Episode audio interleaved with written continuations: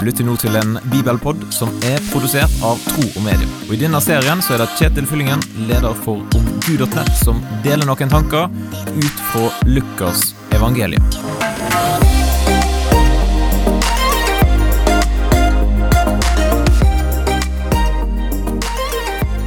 Dersom du var PR-rådgiver for noen som skulle lansere en stor nyhet, hva ville du da ønske deg? Et stort oppslag på vg.no eller hos en eller annen eh, influenser med tusenvis av følgere. Eller et lite møte med noen av de minst innflytelsesrike i landet. De aller fleste ville tenkt at eh, det mest strategiske er alternativ nummer én. Men Guds strategi er ikke alltid sånn. Da ser vi i dagens bibelpodtekst i Lukas kapittel 2 og vers 8 til 11. Det var noen gjetere der i nærheten som var ute på marken og holdt nattevakt over flokken sin. Med ett sto en Herrens engel foran dem, og Herrens herlighet lyste om dem. De ble overveldet av redsel, men engelen sa til dem, frykt ikke, se, jeg forkynner dere en stor glede, en glede for hele folket. I dag er det født dere en frelser i Davids by, han er Messias, Herren. For oss så ser dette her kanskje ut som en litt merkelig PR-strategi.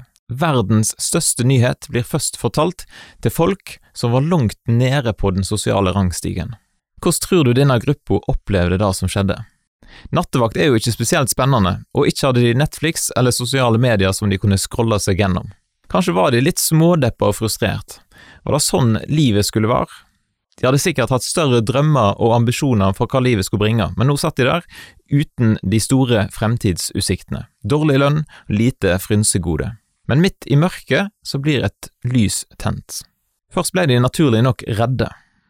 Men når den første frykten forsvant, så vil jeg tippe at eh, fascinasjonen og forventningen til det de fikk høre, kom krypende. De oppdaga kanskje til sin forundring at de var med i en større fortelling. Hvorfor prioriterte Gud å gjøre det sånn?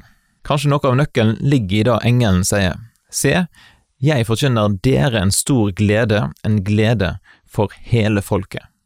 Den gode nyheten om Jesus inkluderer alle, uansett om du er høyt oppe eller lavt nede. Hva tenker du om teksten her i Lukas kapittel 2? Helt supert hvis du vil dele dine tanker med meg. Da kan du sende en e-post til kjetil.troogmedier.no, og så setter jeg veldig stor pris på om du har lyst til å dele bibelpodden med noen som du kjenner. Da ønsker jeg deg en fin dag, og så poddes vi plutselig igjen. Takk for at du lytter gjennom denne bibelpodden. Og Vil du gi en tilbakemelding på det som du hørte, eller vil du lære mer om kristen tro? Da kan du gå til nettsida omgud.nett.